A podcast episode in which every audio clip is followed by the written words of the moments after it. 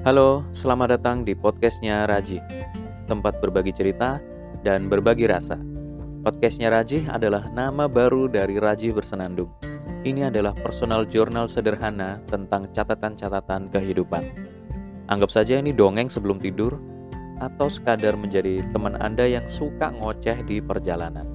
Ya, yang penting berusaha menghibur sambil mencoba nyampein sesuatu yang mudah-mudahan bermanfaat. Episode ini adalah bagian dari tantangan 30 hari bersuara 2022 yang diselenggarakan oleh komunitas The Podcasters Indonesia. Selamat mendengarkan.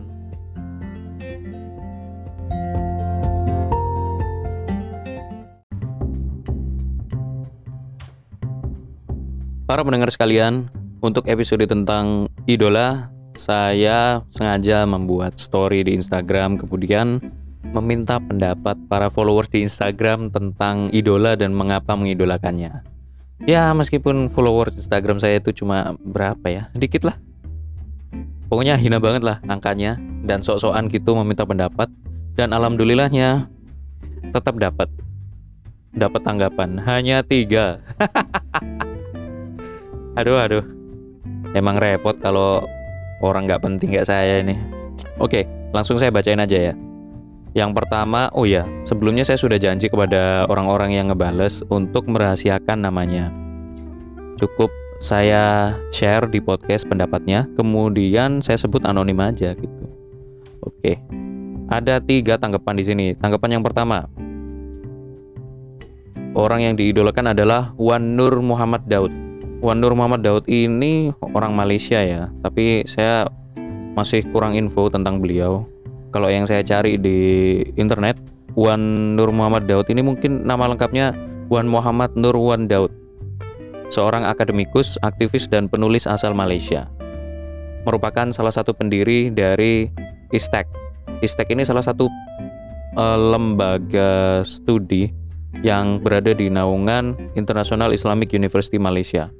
Kalau Anda masuk ke wilayah ISTEC uh itu semacam Anda masuk ke istana pengen tahu gimana bentuknya, coba cek di channel YouTube saya. Saya sempat bikin live YouTube di situ, tapi cuma sebentar. Ya, cuma sekilas-sekilas, tapi ngelihat gedungnya aja itu seperti memasuki wilayah istana kerajaan mana gitu loh. Benteng kerajaan mana gitu. Nuansanya itu nuansa Eropa tapi ada campuran timur, Tengah, mungkin Turki tapi Eropa. Uh, semacam Turki campur Andalusia mungkin? Gak tau lah pokoknya gitu. Itu ISTAC ISTAC kepanjangannya itu lupa gue pokoknya itu Institut Internasional Pemikiran dan Peradaban Islam. Ya kira-kira gitu. ISTAC oh aduh panjangannya apa lagi? Lupa gue pokoknya gitulah. Nah mungkin teman saya yang nanggepin ini adalah orang yang menyukai kajian-kajiannya Wan Muhammad Nur Wan Daud karena eh, beliau ini kan filsuf sehingga eh, mungkin teman saya ini tertarik karena teman saya juga suka kajian filsuf juga ini yang nanggepin ini. Alright, thank you untuk tanggapan pertama. Kita beralih ke tanggapan kedua. Kevin Alui. Uh, maksudnya yang nanggepin bukan Kevin Alui tapi tanggapan yang kedua ini teman saya juga dia mengatakan bahwasanya dia mengidolakan Kevin Alui. Kevin Alui. Kenapa diidolakan? Kenapa mengidolakan Kevin Alui? Karena Kevin Alui jago bangun digital product. Oke, Kevin Alui ini adalah CEO Gojek ya. Kevin Alui wirausahawan Indonesia. Dia salah satu pendiri atau co-founder Gojek. Gokil. Umurnya juga masih muda ya seperti Mas Menteri Nadiem Makarim. Gokil. Bisa jadi idolanya ya Gen Z Gen Z Gen Z Gen Z. Oke kita lanjut ke tanggapan ketiga. Tanggapan ketiga mengatakan bahwa dia mengidolakan Rancho Das Chancha. Ini toko fiksi bro.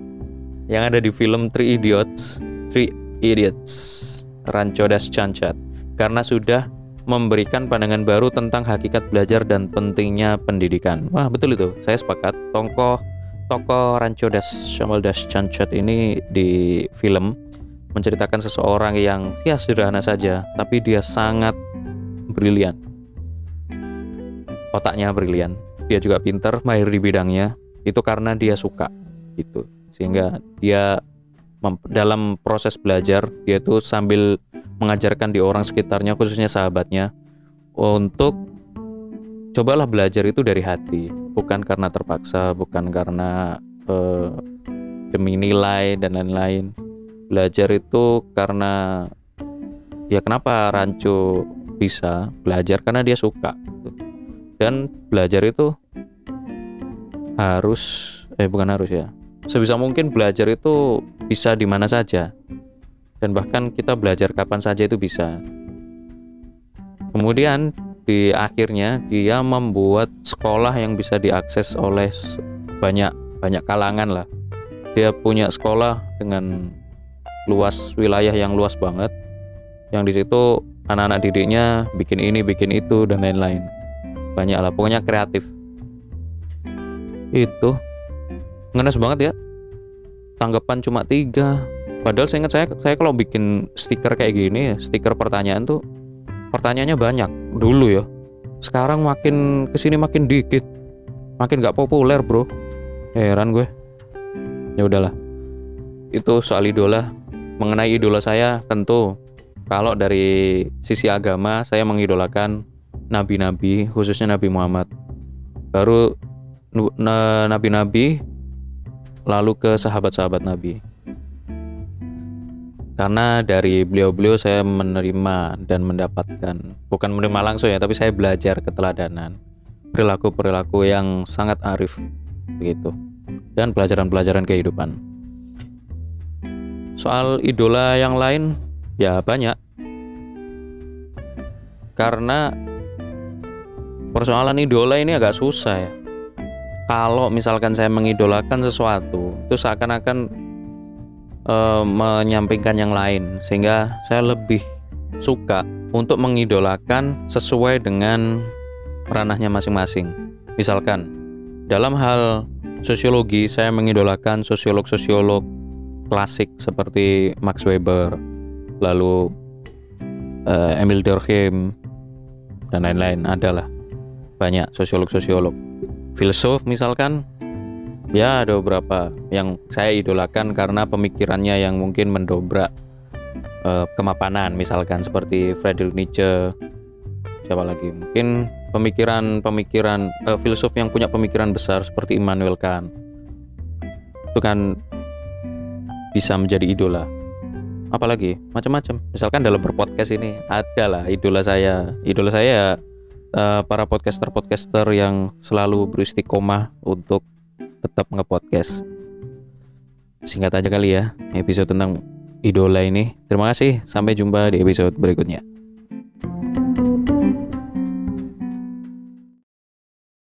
Hey, sebelum Anda ke episode selanjutnya, atau mungkin Anda ingin pindah dengerin podcast lain, ada sedikit pemberitahuan ini.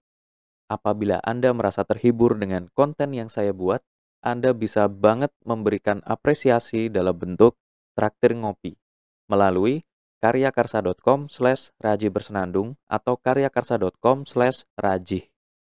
Atau bisa juga di socialbus.com slash rajiaraki slash stripe. Terima kasih.